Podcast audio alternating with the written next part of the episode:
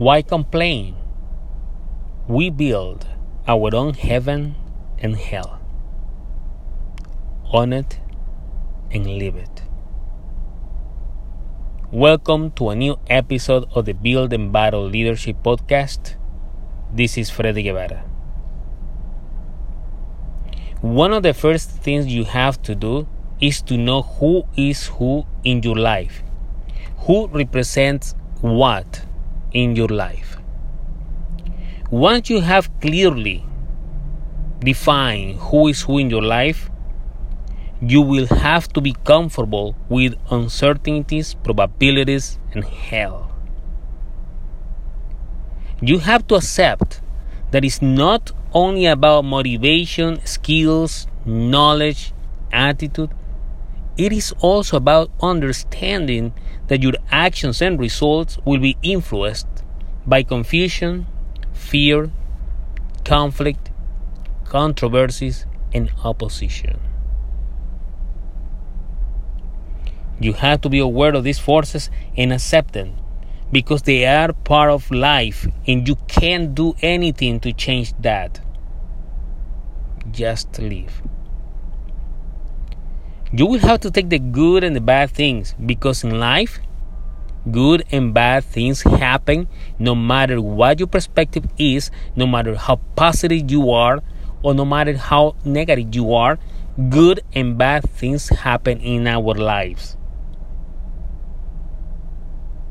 And besides that, remember that people will bring you conflicts, controversies, opposition through their decisions and actions. And those decisions and actions will influence your own actions and results. Next time you make a decision, be aware of those forces because it is possible you have made poor decisions for the lack of awareness of those forces.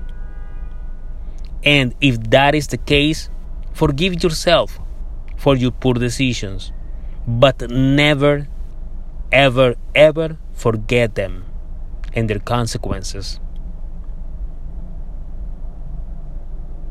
But at the end of the day, I want you to remember this no temptations, no conflicts, no enemies, no battles, no victory. My friends, this is life. Life comes with good and bad things, and you have to accept that.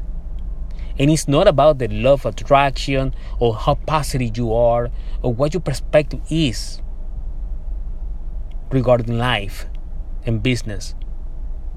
Good and bad things are going to happen and you cannot change that.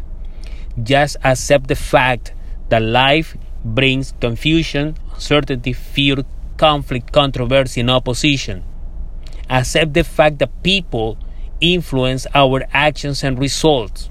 Once you have accepted that, you are better prepared to get better actions, to make better decisions, and to achieve better results. I want you to practice this exercise. Go and divide paper in three columns. In the first column, I want you to identify the forces that you remember have influenced in your life. Remember, those forces are confusion, fear, conflict, controversy, and opposition. And the second column, I want you to describe how those forces came out and what happened.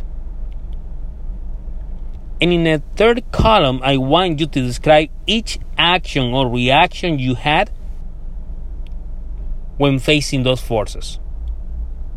This exercise will help you to recognize the forces in your life even if you were not aware of. And it will help you to describe what you did when you faced those situations and will you will be better prepared in the future when you face them because now you're aware of those forces and you are aware that those forces will influence your actions and results. One more time, keep in mind this. It's not about your knowledge, your skills, your tools, your attitude. They are important in your success. Hey. But remember the opposition, fear, conflict, controversies exist and they influence your actions and results.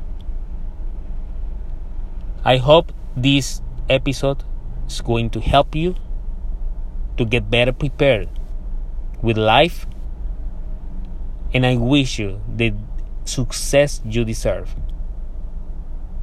Build and battle. Until the next time.